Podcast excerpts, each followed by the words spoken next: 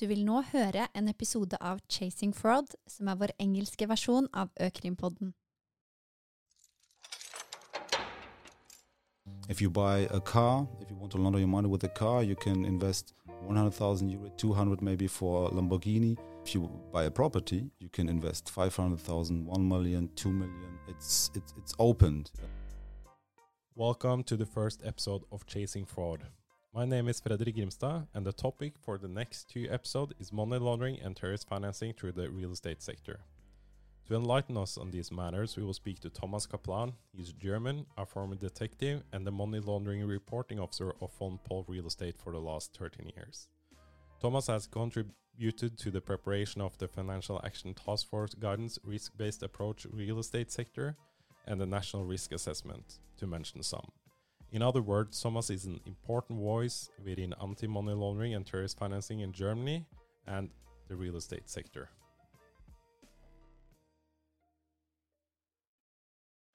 Welcome, Tommas. Yeah, thanks a lot, uh, Fredrik, and thanks for the invitation. What money laundering threats do you see in the real estate market in Germany? In principle, the, the main problem in the real estate market is a lack of transparency. Um, it entails, um, even in, in 2023, we still have a low awareness of uh, money laundering issues among uh, the obliged entities uh, in the real estate sector. And when I say obliged entities, I mean um, the, the the parties who are involved in real estate transaction. It's not only the real estate agents; it's lawyers, tax advisors, notaries, and uh, and of course the real estate financing intermediaries, and uh, and at least the um, financing credit institutions. So you have a lot of stakeholder involving in this transaction. I know in Norway it's the real estate agent who is um, uh, who's a real estate agent, and he's also the, the function of a notary. Uh, and so he's signing the contract, and the transaction is also going over the uh, bank account uh, of the real estate agents.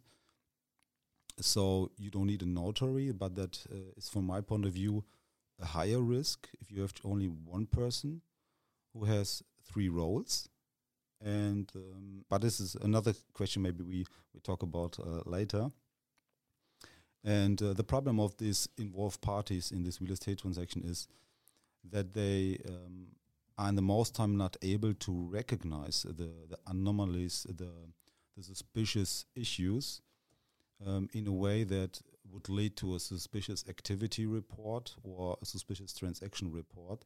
So in Germany, we um, divide between uh, suspicious activity, a, a, behavior of a person, it's the seller or the buyer, or maybe uh, the person who are around uh, a seller or a buyer and and the transaction is uh, when the money um, is um, moving from the um, buyer to the seller.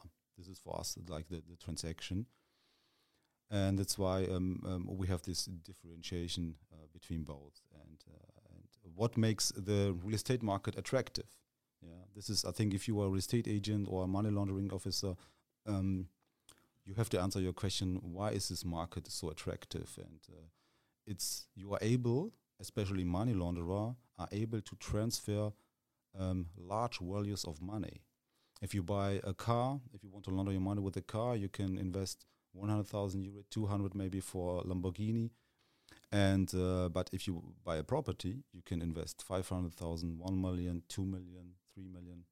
It's it's it's opened. Um, and uh, and that's that's that's one of the major points. And the second point is why it is so attractive to do this. Of course, the stability of the value.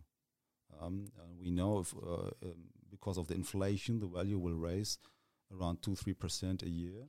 So after ten years, uh, you raised your value. You didn't lose money. Normally, if you launder money, you are losing money through the laundering process.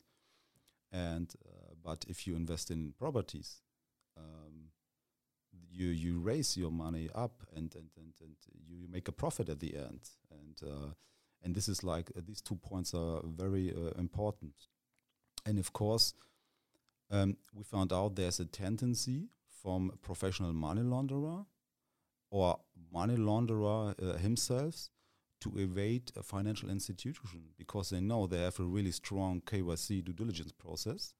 So they try to misuse other obliged entities like real estate agents, lawyers, notaries, uh, to transfer the money, to invest the money in the market, uh, and to influence. And uh, and it's a big thing, in, for example, in Germany, to misuse real estate agents as a serious uh, third party because what he's doing is this real estate agent. He's going to the seller, he's going to the bank, to the um, uh, real estate financing intermediaries, and he's talking with these people. I have a client who wants to buy a property, and we need this, we need this, we need this. So he treat, um, he's on behalf for this money launderer, and, and the real estate agent does not know that he's misused for this kind of behavior. And uh, of course, we don't have in Germany a national, nationwide real estate register and no central um, database on for the land register. We have more than 500 land registers in Germany. So every little city has its own land register. So if you want to do a research, uh, for example, the law enforcement, uh, they have to ask nationwide in the different uh, real estate registers, and this is uh, it, it's that, that's crazy. And uh, one major point is that we have too low number of suspicious activity reports um, submitted from the um, designated non-financial businesses and professions. Mm-hmm. I'll give you an example. The um, 2021, um, the real estate agents submitted 176 suspicious activity reports, and uh, and we have in Germany, I think, more than 50,000 real estate agents. That's nothing. Same with the lawyers. The lawyers submitted 86 suspicious activity reports, and we have like uh, hundred thousands of lawyers in Germany. And um, just just just to give a, like a brief overview about this low awareness, and uh, and when you know that we have in Germany like one million uh, property transaction, one million, so one million transaction and only a, couple of hundred suspicious activity reports. That's not much, and it's it's a, a property market of three hundred billion a year. Yeah. So uh, if we if we go on numbers, this is these are the numbers, and um, and I think this is like what makes the market um, attractive. Uh, but with that uh, attraction, there's coming like some um, more uh, weaknesses we have, like that property managers, architects, project developers, financing agents, they are not obliged um, parties. They don't have to follow the, the, the, the money laundering um, act. That means uh, I'm a money launderer and I need um, maybe uh, financing for my property. Then I go to a financing intermediary, and, and he's not an obliged entity. So if it's written on my head, I'm a money launderer, he doesn't care. He hasn't to care. And this is like um, one of the, the major problem um, we have at the moment. And uh, um, this would be like the general risks if you go, if you ask why is the real estate market so threatened and why are the money laundering interested in, in laundering money in the German real estate market. And of course, you have a lot of other markets in Europe to do this. And, and of course, you have like general threats like uh, concealing the origin of the money through like different companies, etc. I think this is something everyone uh, know. Um, um, what I found out, especially in Germany, and I think I would love to to, to talk about these uh, three main topics. Um, I'm focusing at the moment. It's um, Hawala banking in Germany. Um, no one knows, or not many people knows what what means Hawala banking and why is it important. And in Hawala banking, why is it in Germany? Why is it somewhere else? We had a big case in, in Germany in the in the nice city Düsseldorf, uh, and uh, there was a case. There were a group of four people judged for Hawala banking. And in Germany, if you are doing Hawala banking, you need the um, um, permission from the financial supervisory body. Uh, so it could be illegal if you have the, the permission, but uh, you have to follow a lot of rules. And the Hawala uh, a broker, they don't want to, follow these rules. So at the end, you you won't find anyone, but um, you can do it if you want it. And uh, and uh, so if you do a, like Hawala banking with three people together, you are a criminal organization in Germany. There's a, a big court decision that said if you are three people, you're doing Hawala banking, you are a criminal organization, so you get really really hard uh, fined. You go to prison for a long time. And so, so they found out there were four guys. They have a jewelry a jewelry shop in Düsseldorf, and another shop in Berlin. And uh, they found out that in 18 months, 18 months, they transferred money through Hawala banking in in the in the value of 220 million euro from Germany to Turkey. So 220 million in 18 months. That's that's that's that's a that's hard. And um, but maybe to explain what is what is Hawala banking because uh, I said to transfer you don't really transfer. It's it's you don't really transfer money. It's just money in the left pocket in Germany, money in the right pocket in uh, Turkey. And uh, um, Hawala is often referred as Hawala banking system. It's an informal and traditional method or method of transferring money and assets across border, primarily used in regions where there may be limited access to formal financial institution or where individuals prefer to avoid traditional banking systems. This system operates outside of the conventional banking sector and relies on trust and personal connections between the Hawala brokers. So these Hawala brokers, for example, in Germany and in, in Turkey, they know each other and they trust themselves. Um, how it works? It works like um, person A gives money to a local Hawala broker. For example, I have family in Turkey, and they need money, but I want to transfer this money because it's illegal money. And for example, 100,000 euro, and I go to to a, local Hawala broker. It could be a jewelry in in Frankfurt, for example. And this broker contacts another Hawala broker in the destination country, for example, in Turkey, in Istanbul. Um, and there's a person's B location. So my family who lives there in Istanbul, I don't have family in Istanbul, but it's just a fictitious uh, case. Um, um, who then gives the equivalent amount of the money to this person. And how this happened? Um, you you receive a code. That means um, I tell the Hawala broker A, um, here you have a code like uh, uh, um, uh, Norway, for example and then he gave this code to this Hawala broker B in Istanbul. Uh, and the person B went to this Hawala broker. And I will tell the uh, person B in Istanbul, use this uh, code. And he goes to this uh, Hawala broker and say, code word Norway. And then he received the 100,000 euros. So the Hawala broker A has 100,000 plus, the Hawala broker B has 100,000 minus. So maybe the next uh, person in Turkey says some guys needs money in Germany. So they are trying to to withdraw yeah. uh, the balance. But these guys, if you transfer like half million, one million money, you won't be able to uh, withdraw it because you always need like like a counterpart for that and that's why they are um, writing like fictitious bills and they are doing transfer uh, um, businesses between this. that's why these both Hawala broker have their own business to transfer fake gold, for example. Yeah, they pack uh, they pack something and, and, and write down it's 10, 10 kilo gold, but it's it's it's a stone and painted with with uh, with the gold uh, colors and, and and send a bill over whatever five hundred thousand euro.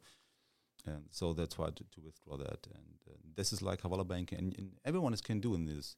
And what happened now is that in the last time we have uh, massive money coming from Turkey to Germany.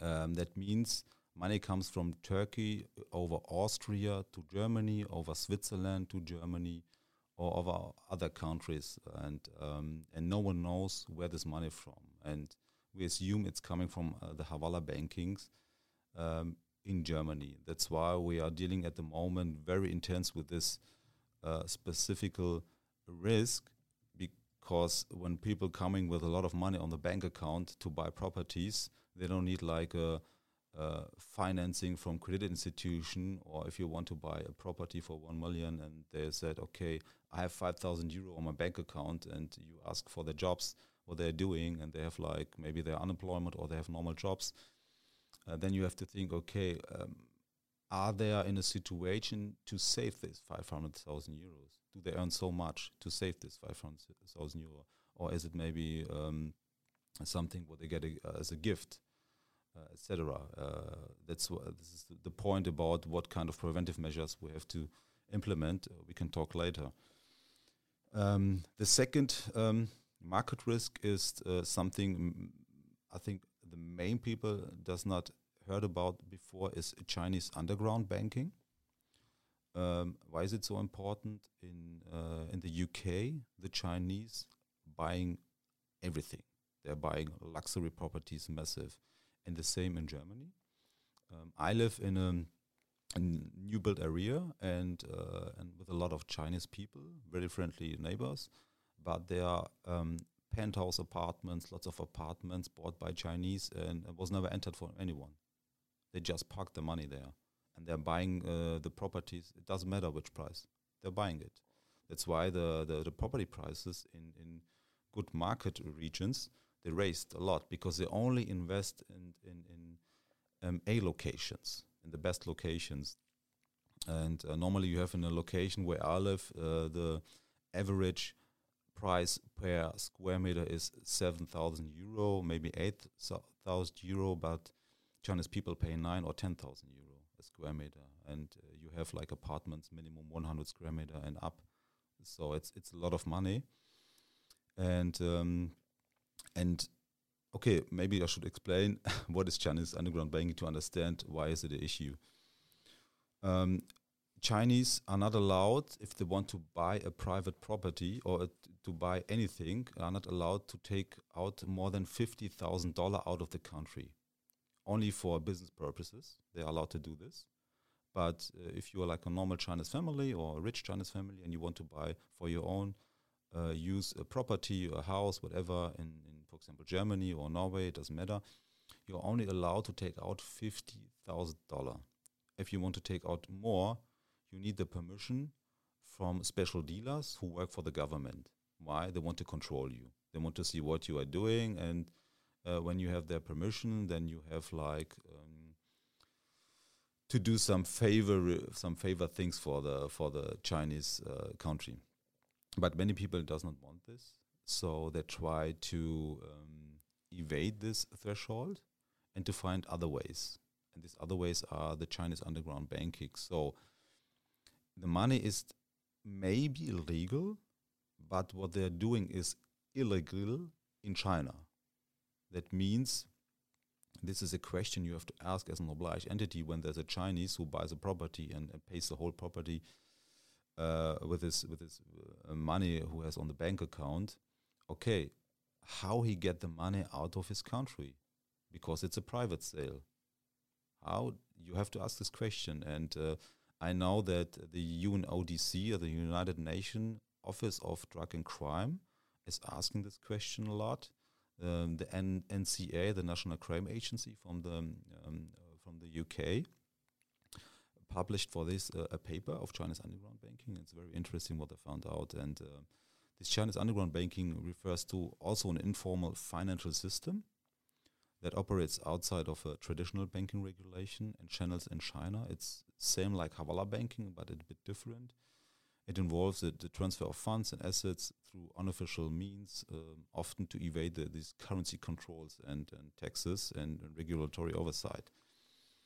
And um, and they are doing it like over like for example uh, the typical import export companies um, they're doing uh, they try to transfer this money about money mules um, and, and and different um, different ways but uh, as a real estate agent as an obliged entity it's difficult to know to find out how they get the money out you don't have to to to investigate this but you only have to ask how do you get this money out of the country?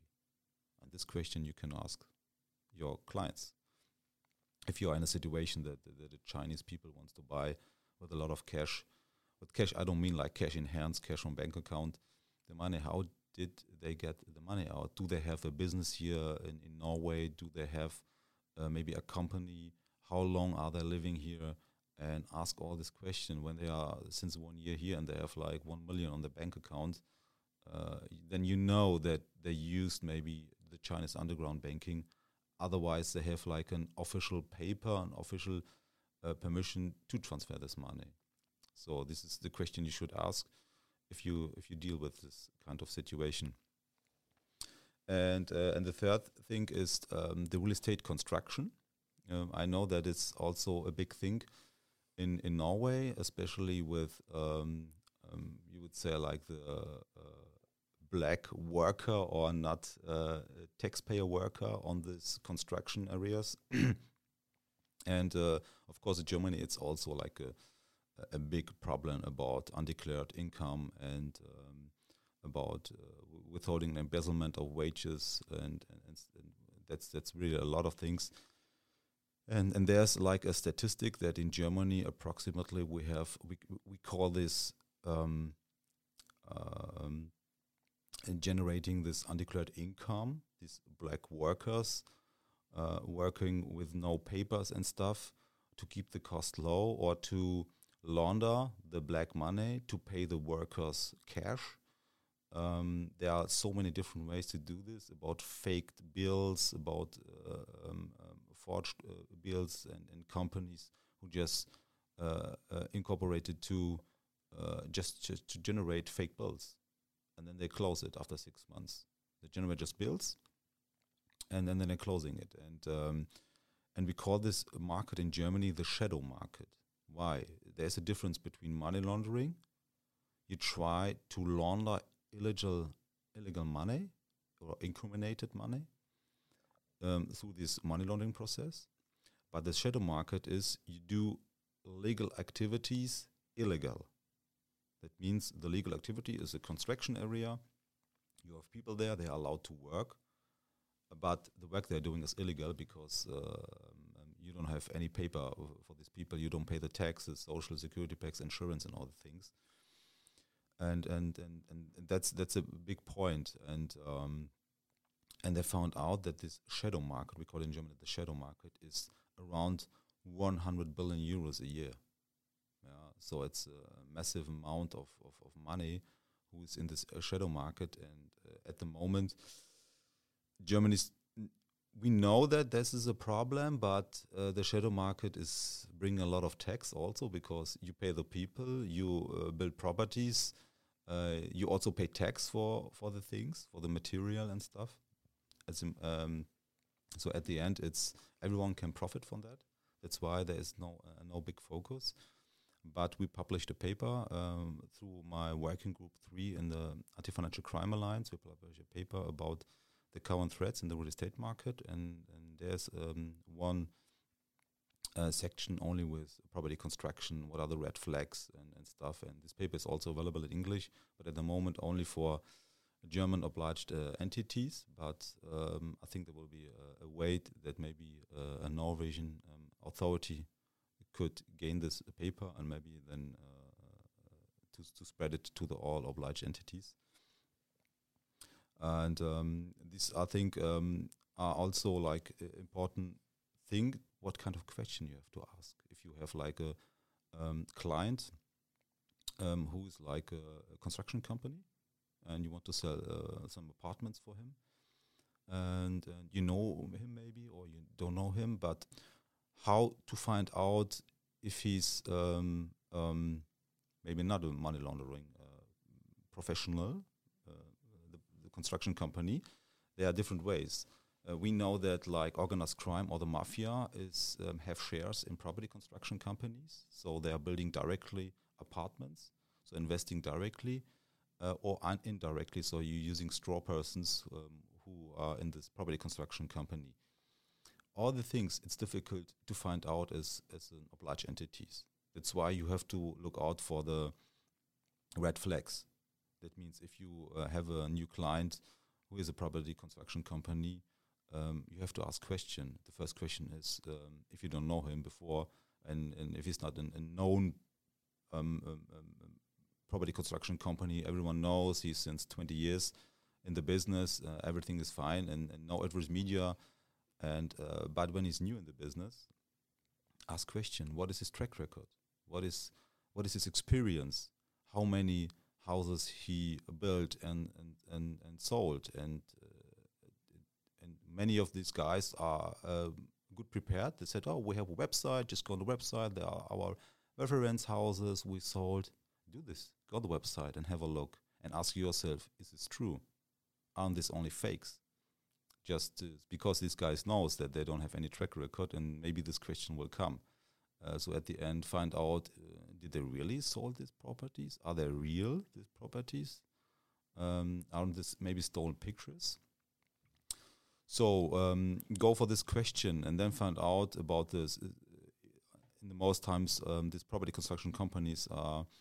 Uh, they have a CEO. Um, ask the CEO about his track record in this uh, business, and uh, ask for uh, the uh, commercial registration papers and and and how many CEOs does this company's had? Just one, two, three, four, five. How many CEO they changed, or maybe the shareholder um, get an overview of the of the history of this uh, company. Look at the address where it is based. Is it maybe just uh, like a, in the home office? Do they have uh, her own office? Do they have employees, back offices? How professional they are, and then ask the big question: How will they finance this uh, construction? You need to to, to build like, uh, for example, like a a more family house or a multi-family house, uh, let's say maybe 10, 10 apartments, and we say the total cost of building are 5 million euros. So the bank will maybe give him one and a half, two million euro. He needs minimum for own capital 1 million or maybe a bit more, one and a half, because uh, you need like a minimum backup like 500,000 euro, and then 1 million you invest, one and a half, two million you, you, you receive from the bank account, and wha- what is with the rest? So you need like an, um, uh, a third financing uh, person, intermediaries. It calls um, mezzanine capital. Mezzanine capital um, is, for example, um, when I have on my bank account 500,000 euro and I don't know what to do with this, I could lend this money um, to a construction company and say, okay, I'll lend you this money for one year. After one year, I want to have six, seven, eight percent uh, interest rate, Mhm. yeah, because it's risk capital. And and and there are web pages, websites who offers this mezzanine capital. That means there are people who have around five hundred thousand plus euro to want to invest. And there are construction companies who can um, um, go there on this website and, and asking for mezzanine capital. And I think that's a big money laundering threat because uh, I don't think that this uh, owner of this website will do this KYC due diligence. And they are, of course, they are not um, obliged entities. Yeah. They're, they're just doing, they are like uh, brokers. You know, they bring uh, client A to client B together and, and, and all without any uh, obliged entities between them and uh, this is like one big thing. Or you have uh, um, property crowd investing platforms. Uh, in Germany, we have a lot of them. I think around ten platforms. You can uh, um, publish your your project, and and then you can receive money um, from 500 euros starting up. So uh, the crowd is could be very big, and you never know who's who are these persons. Uh, you can pay a lot of straw persons investing just money, uh, no one knows what is the background. And um, so ask the big, big question: how to, how how will you finance? And then then ask and then ask the uh, the go more deeper and ask, okay, you have this construction company since two years. Uh, what kind of properties did you sell? How many profit you made? Is this 1.5 million on your bank account? Is this uh, is this true or maybe is it fake? And and, and ask more question about the plausibility, and um, and then you will have a good feeling if it's like a serious client or is it maybe someone who has uh, maybe illegal money in this in this company and want to invest it uh, in this um, um, multi-family houses. And uh, and then after you finish uh, um, um, asking this question and you're receiving a good answer and everything is plausible, then uh, you you start selling from the scratch the the apartments and uh, the the buyer are happy and it's starting building, um, but your work didn't finished. You have a monitoring. That means you have to monitor this client because you have a relationship. That means you have to go to the construction area and to have a look. Yeah, all real estate agents would say, "Why? It's, it's not our job. We, our job is just to to get uh, uh, some buyers for the apartments." I said, "No, no, no. The monitoring process is always in your responsibility. That means you have to go to the construction plot to the area and and to see what what's happening there, who's working there, how they're working there, and maybe to talk with um, with the, with the workers there, with the uh, s- uh, companies who got the order to to build something, and and, and to find out.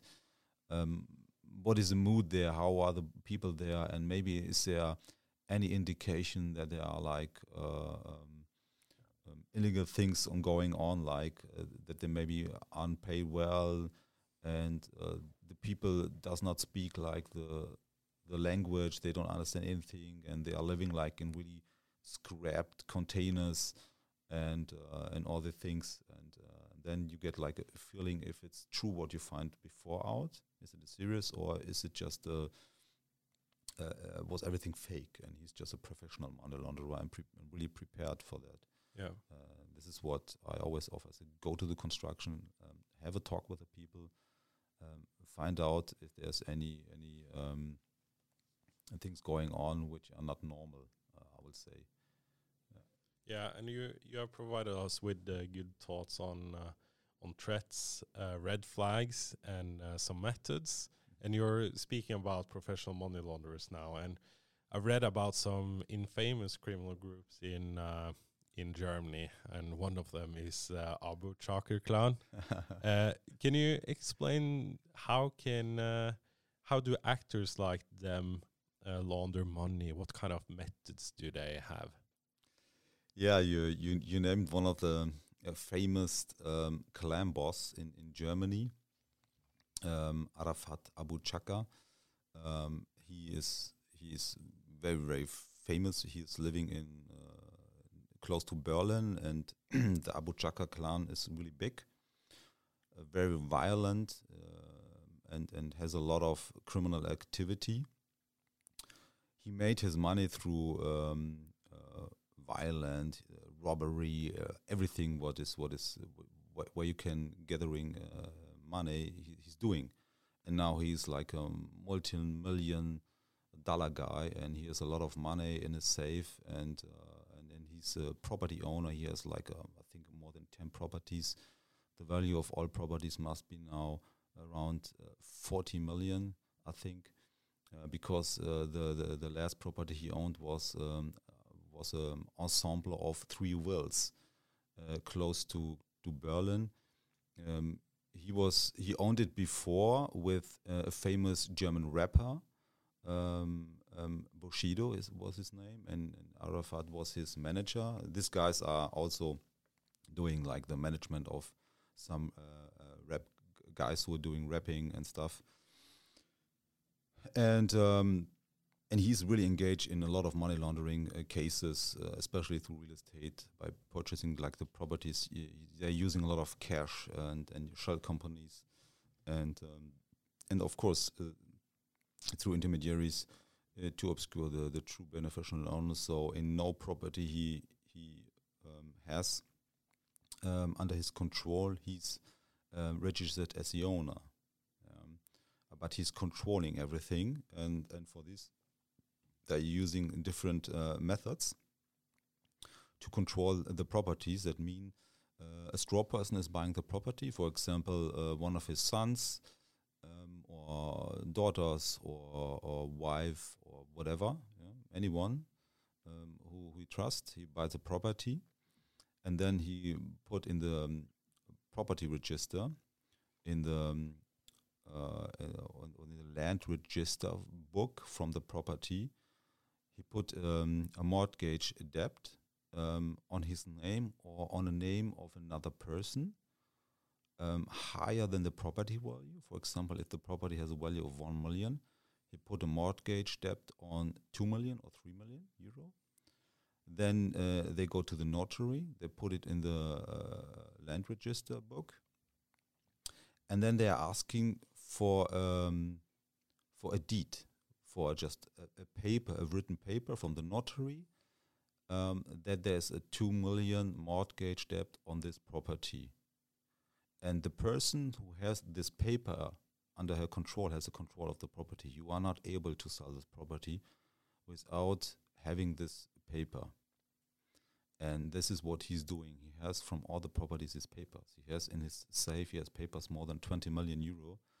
And with these papers, you can walk to other banks, credit institution, and say, okay, guys, here I have a paper, 2 million euro, uh, a deed, a mortgage deed, and uh, I want money. I want to buy a property.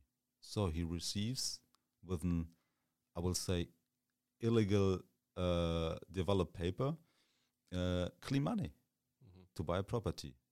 And what he's doing with this property, in this property, he can launder money, like uh, through construction, refurbishment, etc., and uh, the things. And uh, this is like one big thing he's uh, he's doing. And of course, there are in um, a lot of businesses. So maybe the um, the listeners will ask, okay, how do I how can I find out that maybe the person I'm dealing is uh, in in the it's maybe a member of a clan, and you can uh, we found out that they are in specific business areas that they're dealing with specific different areas. So if they have money, they say, yeah, yeah I have my own, I have my own company, I have my own uh, businesses, and and then you have to ask what it is, and uh, they have typically the barber shops, shisha bars, car dealerships, uh, car dealerships, key services, security services, car rental, especially luxury car rental, mm-hmm. very famous. Um, if you see in Germany a luxury car rental, 100% clan crime and um, pipe cleaning, gambling halls. Yeah, uh, you can do like this gambling um, or betting shops uh, over a franchise business. You have a lot of franchisees in Germany, and um, of course they're also in the music industry, in the rap industry as managers. So they control uh, some of the uh, famous rappers in Germany. And if you control the rappers, you can launder a lot of money through their um, Spotify and stuff.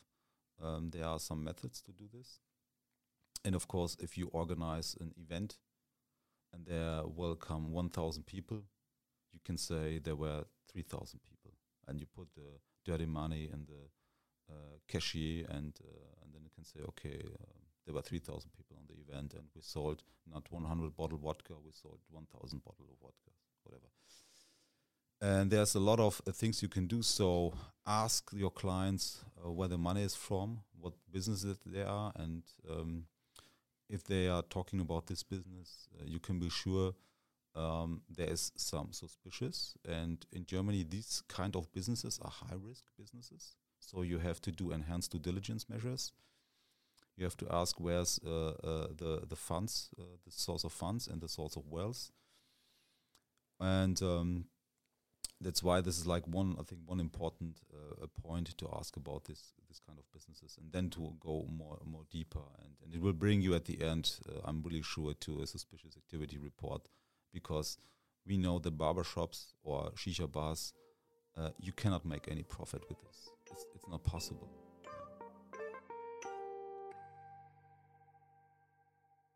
Thank you for listening to this episode of Chasing Fraud. If you found this interesting, remember to subscribe on any podcast platform.